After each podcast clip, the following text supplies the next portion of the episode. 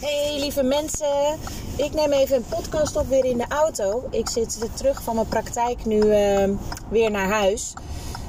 En ik verbaas me afgelopen week alweer zo over gesprekken die ik heb gehad met ouders en tieners over wat voor een bericht ze krijgen van school. Het is nu begin februari. We zitten, vandaag is het 9 februari terwijl ik deze opneem. En worden er uitspraken gedaan naar leerlingen dat ze nu al niet meer het jaar kunnen halen. Als je wil dat een leerling nog blijft werken, alles op alles zet, of het nou wel of niet lukt, maar in ieder geval zijn best blijft doen of gaat doen, denk dan vooral in mogelijkheden en niet in het kan niet meer. Want oh, je wil niet weten wat dit teweeg brengt. En ik krijg daar steeds meer mee te maken. Want de uh, jongeren die bij mij lopen, die hebben te maken met motivatieproblematiek. En als je te maken hebt met motivatieproblematiek, dan doe je dus niet zoveel voor school. Dan voel je niet de motivatie om aan school te werken. En dat betekent niet dat ze niet willen of dat ze uh, het, het niveau niet aankunnen of het leerjaar niet kunnen redden. Het is zo dat er dan een worsteling is, een serieuze struggle is, waardoor het hun niet lukt om alles op alles te zetten om hun schoolwerk te doen. En helaas hoor ik nog heel vaak uh, van jongeren terug dat er op een bepaalde manier op hun wordt gereageerd. Uh, zowel door ouders als door docenten of zorgcoördinatoren of uh, algemene coördinatoren, noem maar op.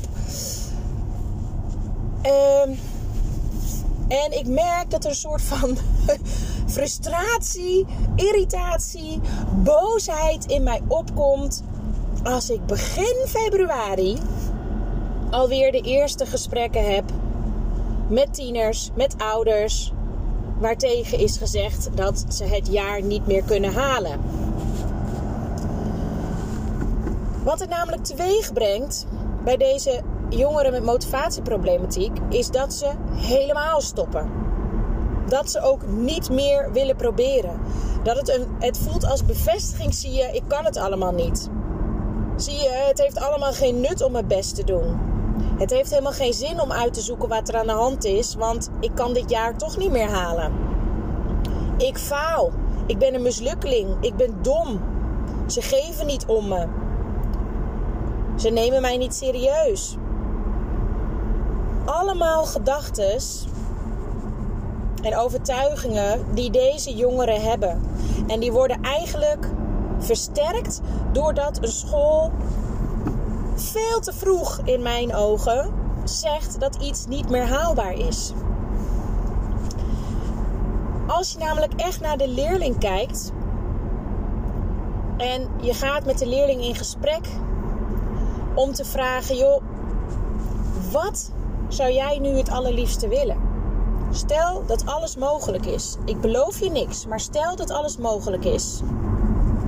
Wat zou jou dan nu helpen in de situatie waarin je zit? Want ik weet zeker dat jij het niet fijn vindt om onvoldoendes te halen. Ik weet zeker dat jij het niet fijn vindt zoals het nu gaat. Ik weet zeker dat jij het niet fijn vindt om de angst te hebben continu dat je dit jaar niet gaat redden. Dat je het overzicht kwijt bent. Dat je niet meer weet waar je moet beginnen.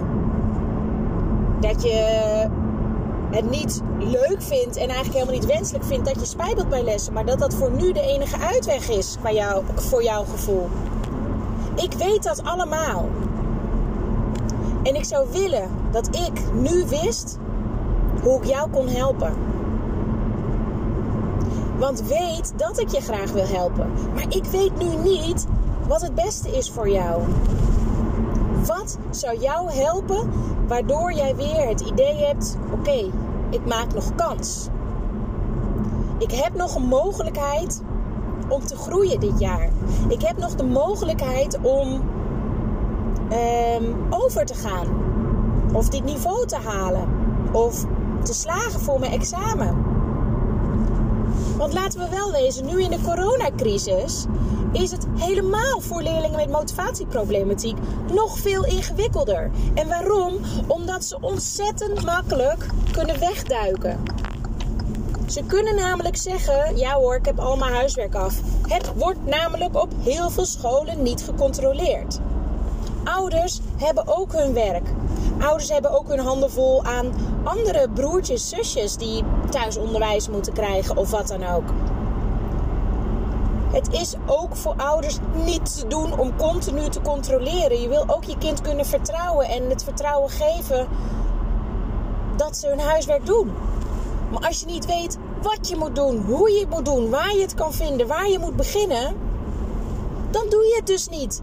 En om van het gezeur af te zijn, zeg je dan: Ja hoor, ik heb het gedaan. Ja hoor, heb ik allemaal al af. Ja, daar kregen we tijd voor in de les. Nee, dat had ik vorige keer al af. Dat zijn allemaal dingen die ze zeggen om van het gezeur van hun ouders af te zijn. En ik herken dit ook als moeder van een puber die problemen heeft met zijn motivatie. Al jaren. Dat is ook, hij is ook mijn drive, zeg maar, achter mijn praktijk. Ik heb alleen één groot probleem. ik ben namelijk zijn moeder. En ik ben niet zijn coach. En dat is een essentieel verschil. Ik zou willen dat er nog, ja, dat klinkt heel arrogant misschien als ik dat zo zeg. Ik zou willen dat er nog iemand is die het werk doet wat ik doe. Ik heb ze nog niet ontdekt. Maar dan zou ik echt mijn zoon erheen brengen.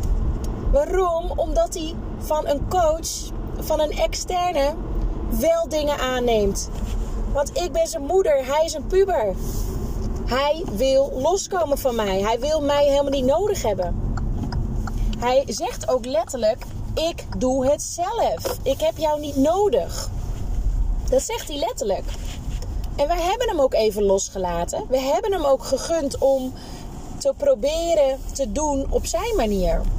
Maar ja, het gevolg is nu dat hij een aantal fikse onvoldoendes heeft gehaald. En als hij zijn huiswerk niet bijhoudt of niet leert voor een toets of iets niet inlevert, dan helpen wij hem nog één avond van tevoren. En uiteindelijk helpen we hem daar niet mee, want dat is een soort van reddingsactie. Dus we hebben dat ook een aantal keren niet gedaan. Maar ja, hij wordt ook gedemotiveerd doordat hij weer onvoldoendes terugkrijgt. Dat denk ja, zie je, waarom doe ik het dan eigenlijk? Terwijl hij helemaal niks ervoor heeft gedaan, omdat hij niet weet hoe hij het moet aanpakken.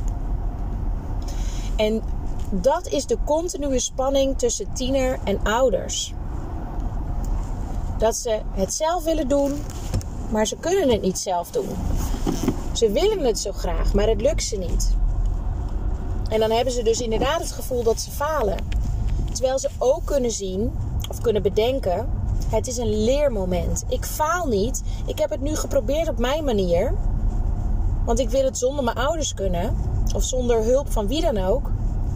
Maar ik heb nu een onvoldoende terug.